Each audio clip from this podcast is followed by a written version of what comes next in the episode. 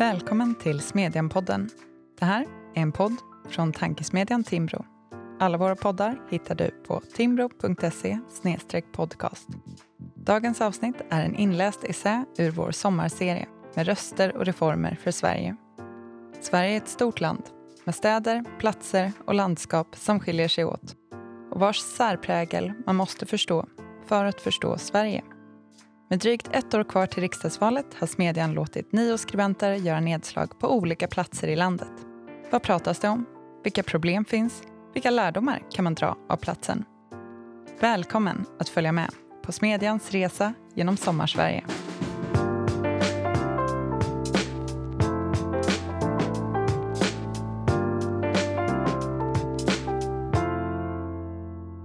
I dagens avsnitt hör vi Sven Dahl och essän Husdrömmarna som politikereliten föraktar från Viksjö utanför Stockholm. När jag de senaste åren pratat med vänsterlutande bekanta har de ständigt återkommit till det för dem obegripliga. Varför vinner Moderaterna gång på gång regionvalet i Stockholm?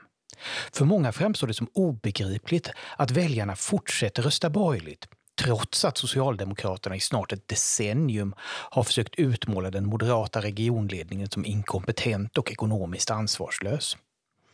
Inte heller har det hjälpt att vänsternarrativet om borgerlig vanskötsel av vården i princip har fått fritt spelrum i nationella medier. Irene Svenonius sitter kvar. Jag tänker på det när jag står vid Mälarvägen i Jakobsberg, en av kommundelarna i Järfälla norr om Stockholm. Därifrån sträcker sig småhusbebyggelsen i drygt fem kilometer ner via Viksjö och Skälby mot Stockholms stads västliga utpost Hässelby villastad.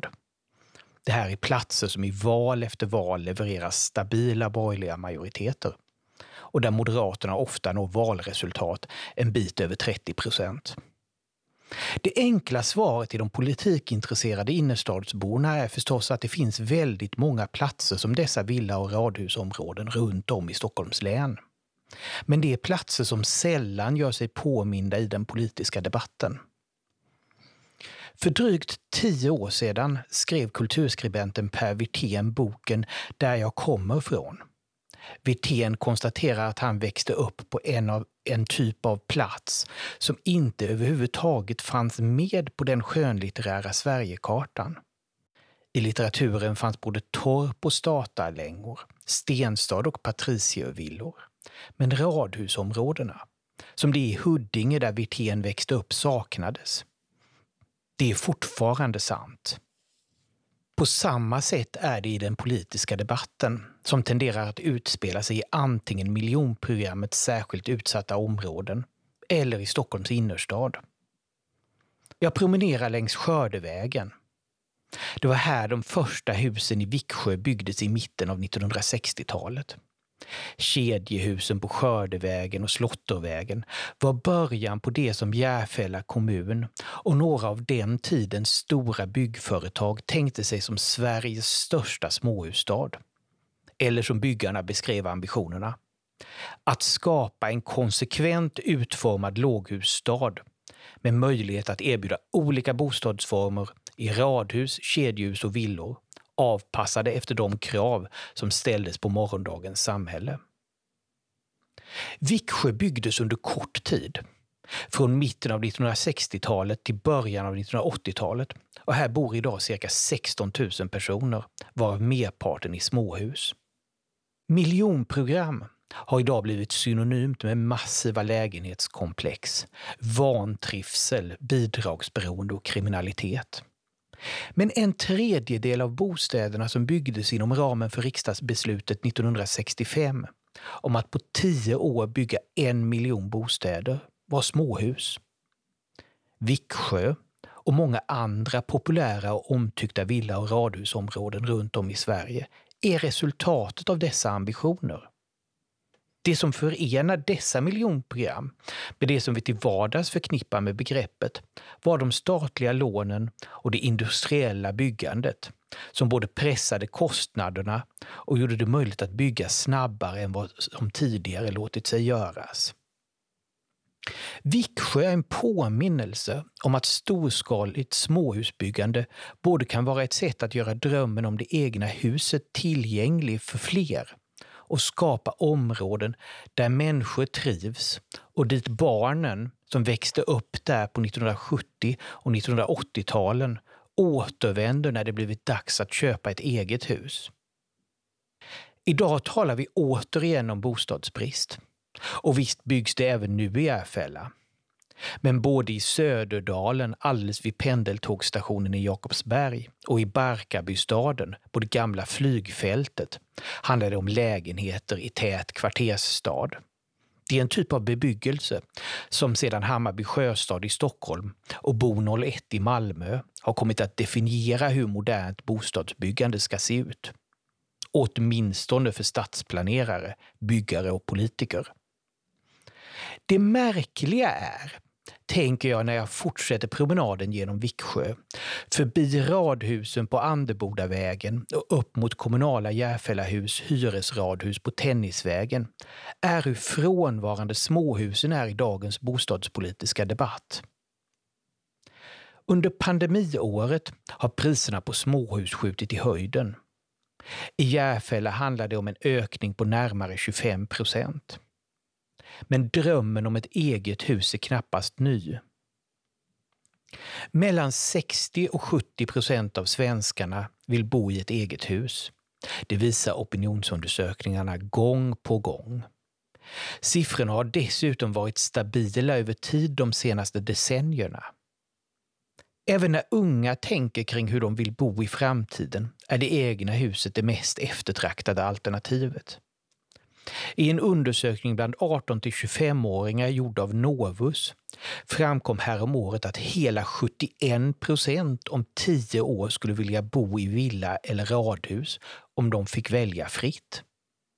Trots detta har byggandet av småhus halverats jämfört med 1990. De senaste tio åren har småhusens andel av bostadsbyggandet sjunkit från 45 till 20 procent.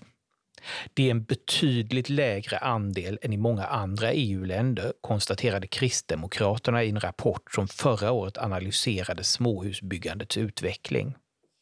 Trenden har också uppmärksammats av fastighetsekonomen Fredrik Kopsch som tillsammans med SBABs chefsekonom Robert Boye i början av året konstaterade att det är en dramatisk nedgång som passerat i det närmaste obemärkt förbi utan någon större debatt. Konsekvensen har blivit att vi idag har en betydande skillnad mellan hur människor vill bo och vad som faktiskt byggs. Jag tar pendeltåget söderut och kliver av i Stuvsta.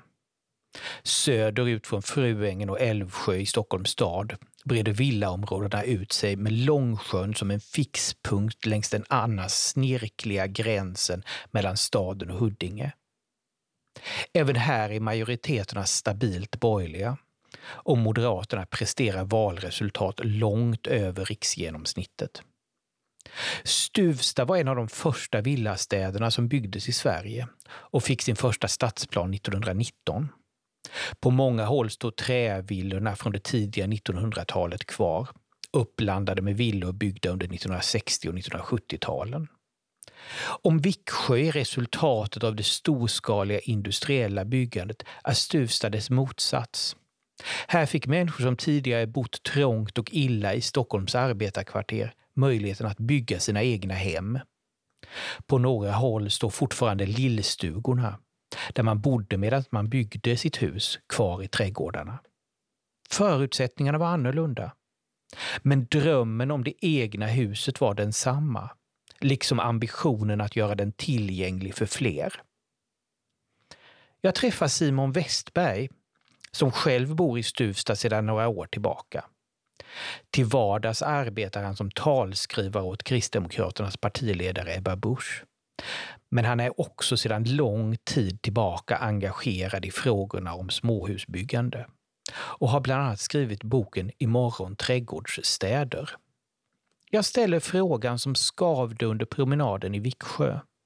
Varför avspeglas inte önskan om att bo i ett eget hus i större utsträckning i bostadsbyggande och bostadspolitik?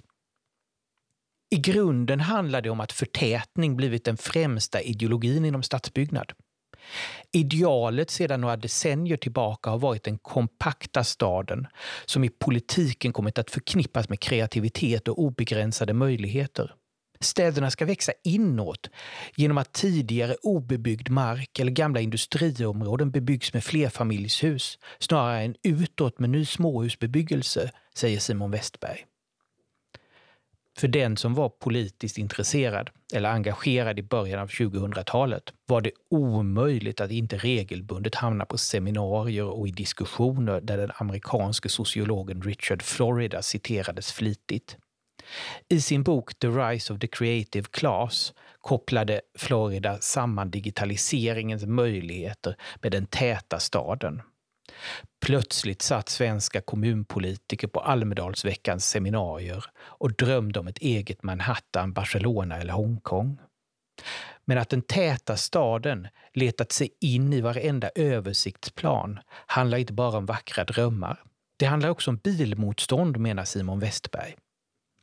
Boendet i småhus är för de flesta starkt förknippad med att ha en egen bil.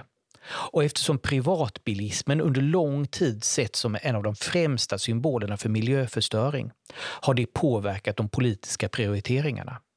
Att förtäta har helt enkelt setts som ett grönt ställningstagande och som ett sätt att minska bilismen, menar Simon Westberg. Dessutom är det ofta de stora byggföretagen som är drivande i exploateringsprocesserna, konstaterar Simon Westberg. För den som vill bygga storskaligt är det oftast enklare och mer lönsamt att bygga flerbostadshus än många småhus. Men även för kommunerna finns det kortsiktigt incitament att bygga flerbostadshus. Att sälja mark för bostadsrätter ger i allmänhet högre intäkter och infrastrukturlösningarna kan ofta framstå som enklare och billigare än om man byggt småhus. Politiken skulle förstås kunna driva på i en annan riktning. Men det är sällan det finns ett sådant intresse hos kommunpolitikerna, säger Simon Westberg. Att det finns något i småhusstaden som provocerar både politiker och stadsplanerare är uppenbart. När den dåvarande bostadsministern, kristdemokraten Stefan Attefall, sommaren 2014 uttalade sig kritiskt om förtätningsidéerna och ville se en utredning om varför det byggdes så få småhus var reaktionerna talande. Attefall som försiktigt konstaterade att alla inte vill bo dyrt och trångt jämfördes med den amerikanska Tea Party-rörelsen. Åren innan Trump var detta vid sidan av SD-anklagelser något av det grövsta man kunde utsätta politiska motståndare för i Sverige. Kanske är det just det opolitiska i småhuset som stör, tänker jag när jag fortsätter promenaden genom Viksjö längs suterränghusen på Gäddvägen.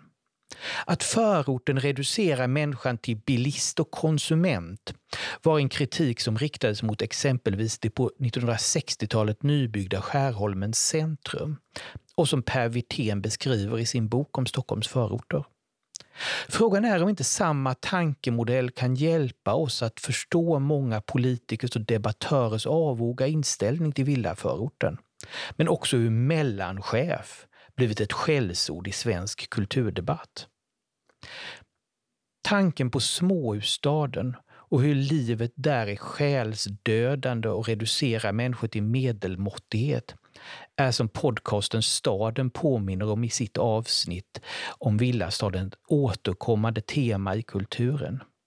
När Don Draper i serien Mad Men efter att ha lämnat fru och barn och flyttat från villaförorten sammanfattar sina känslor inför småhuslivet får orden sägas ha betydelse långt in i dagens svenska samhällsdebatt. Saturday night in the suburbs. That's when you really want to blow your brains out. Samma sak kommer förstås till uttryck i Richard Yates makalösa roman Revolutionary Road som kom ut 1961 och filmatiserades 2008 med Kate Winslet och Leonardo DiCaprio i huvudrollerna som paret April och Frank Wheeler. Här sammanfattar Frank Wheeler liv, livet i villastaden som destruktivt för människor. Ingen tänker eller känner eller engagerar sig längre.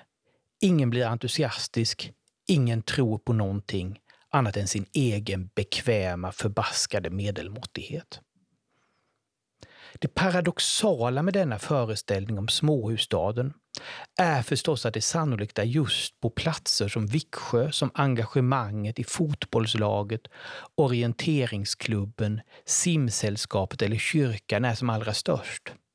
Samma sak är giltigt för de i populärkulturen hånade amerikanska villaförorterna. Men det är ett engagemang som sker utanför politikens ramar.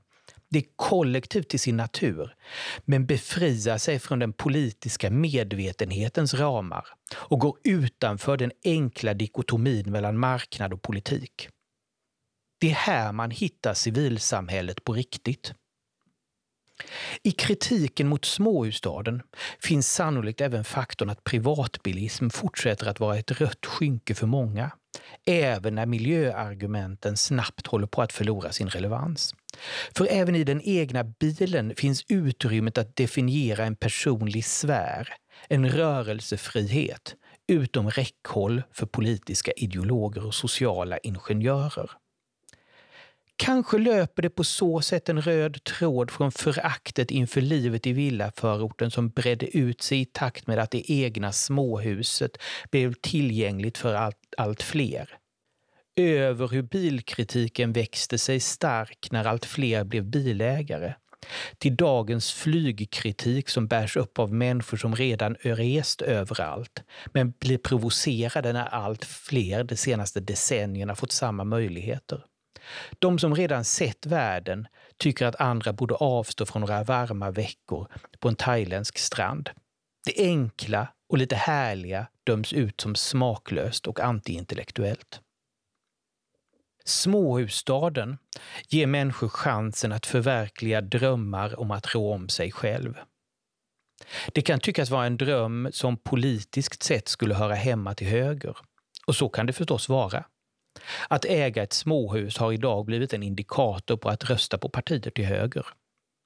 Men drömmen om det egna huset har, kanske just genom att vara så allmänmänsklig, historiskt sett återfunnits både till höger och till vänster. Viksjö var ett socialdemokratiskt projekt som handlade om att bygga bort bostadsbrist och höja bostadsstandarden. Några år tidigare i en tv-debatt 1962 hade den dåvarande finansministern Gunnar Sträng konstaterat att egna hemsägarna, det är vårt folk. Socialdemokratin var också en bärande del av det tidiga 1900-talets egna hemsrörelse. Då handlade det som i Stuvsta om att ge stadens arbetarklass ett alternativ till trångboddhet och förslumning men också om att göra arbetarna oberoende av fastighetsägarna. Men egna hemsrörelsen hörde också hemma till höger. Ursprungligen var den ett sätt att uppmuntra småbrukare att bygga egna hem kring de växande städerna snarare än att emigrera till USA. Senare, inte minst under Jarl Hjalmarssons tid som ledare för högerpartiet under 1950-talet, utvecklades idén om det egna hemmet till en kontrautopi till den socialdemokratiska folkhemstanken. Hjalmarsson talade som statsvetaren Stig-Björn Ljunggren beskriver i sin doktorsavhandling Folkhemskapitalismen om hur högerpartiet strävade efter ett samhälle av småkapitalister. Nyckeln till att skapa denna ägardemokrati var sparandet till och ägandet av det egna småhuset som politiken borde uppmuntra. Eller som det beskrevs i ett informationsblad från högerpartiet i början av 1960-talet. Staten bör enligt högerpartiets mening underlätta finansiering av småhus och kommunerna bör genom sin tomtpolitik och planering av bostadsbyggandet främja tillkomsten av nya egna hem. En person som länge varit engagerad i frågan om småhusbyggande är Lars-Anders Johansson, tidigare chefredaktör för Smedjan, som nyligen kommit ut med boken Villaboendets idéer, utgiven av Villaägarnas riksförbund. När Lars-Anders Johansson och jag äter lunch pratar vi om hur villaområden kommit att förknippas med bostäder för de välbärgade och hur det hänger ihop med politiska beslut. Att småhus i storstäderna kommit att ses som något exklusivt handlar i grunden om ett politiskt skapat underskott på sådana bostäder, säger Lars-Anders Johansson. Jag ringer upp moderaten Emma Feldman, sedan 2018 kommunstyrelsens ordförande i Järfälla och frågar henne om hur det kommer sig att Järfälla, som för de flesta är sinnebilden av en småhuskommun, idag framförallt bygger flerfamiljshus. Det är resultatet av Sverigeförhandlingen från 2013 som innebär att tunnelbanan byggs ut i Barkarby och där Järfälla åtog sig att bygga 14 000 bostäder fram till 2035. Det åtagandet har påverkat prioriteringarna, konstaterar hon. Sedan den nuvarande majoriteten tillträdde efter det senaste valet har ambitionen dock varit att skifta fokus tillbaka till småhus, men också från hyreslägenheter till bostadsrättslägenheter. Det senaste året har flera planprojekt för småhus initierats. Bland annat planeras för radhus i anslutning till flerfamiljshusen i den nya Barkarbystaden. Vi måste se till de värden som både jag själv och de flesta som bor här eller vill flytta hit förknippar med Järfälla. Och då är att äga sitt eget hus en viktig del, säger Emma Feldman, som själv är uppvuxen i kommunen. Människor ska inte bara vilja bo här just nu, utan även långsiktigt. Då är det viktigt att man ska kunna flytta från lägenheten i Barkarbystaden till ett småhus. Feldman sticker inte under stolen med att det finns starka kommunekonomiska incitament för att bygga flerfamiljshus eftersom kommunerna får betydligt mer betalt för marken när den totala boytan blir större. Det är i sin tur viktigt för att finansiera investeringarna i den kommunala infrastrukturen.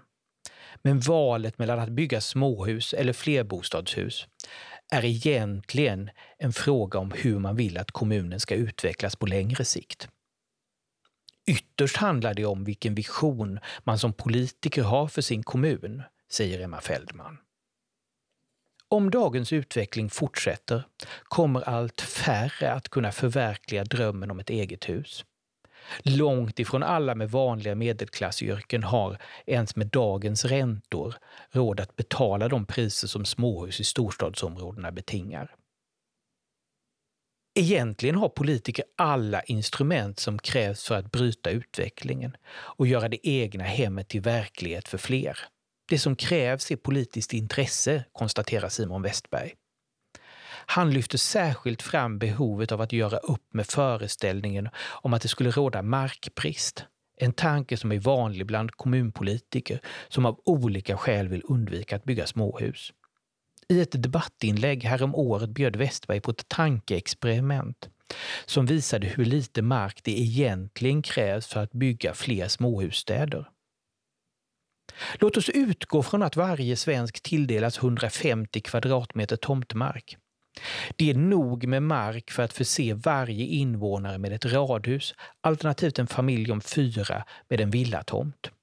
Låt oss sedan dubblera denna mängd mark för att ta hänsyn till att vi även behöver parker, skolor, butiker, vägar, kontorslokaler, industrier med mera då skulle behovet av mark fortfarande inte vara större än att hela Sveriges befolkning skulle kunna inrymmas på Gotland.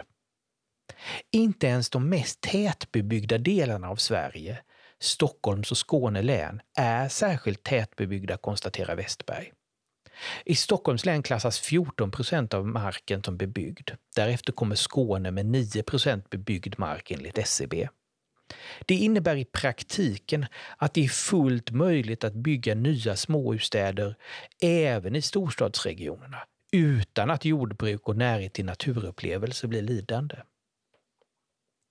När jag frågar Lars-Anders Johansson vad som behövs för att öka småhusbyggandet pekar han på kommunernas kortsiktighet i stadsplaneringen som ett problem.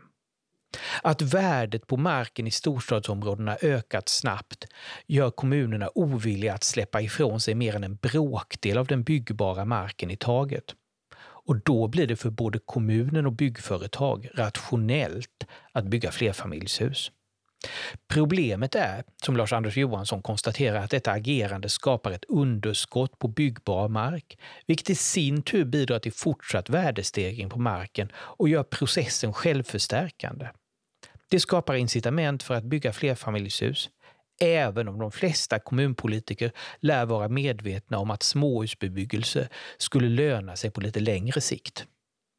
Småhusbebyggelse bidrar kanske mer än något annat till det alla kommunpolitiker vill ha, ett stabilt skatteunderlag. Men det gör också att man kan undvika de sociala problem som nästan ofelbart följer av att bygga bostäder som människor vill lämna så fort de har chansen, säger Lars-Anders Johansson. Risken är att kommuner som idag låser in sig i byggandet av nya flerfamiljshus skapar grogrund för nya utanförskapsområden. Viksjö, som spelat huvudrollen i den här artikeln, men också många andra liknande områden visar att det storskaliga småhusbyggandet fungerar och kan ge precis den typ av småhusstad som så många vill bo i. Men det kräver förstås att kommunerna planerar den mark som krävs för småhusstäder. Frågan för dagens kommunpolitiker är med andra ord om de är beredda att bygga bostadsområden där de barn som växer upp samtidigt som de första syrenbuskarna kan tänka sig att flytta tillbaka när det blivit dags att skaffa ett eget hus. Ett eget hus, en ny bil och att kunna tända grillen en sommardag på den egna uteplatsen är eviga lockelser.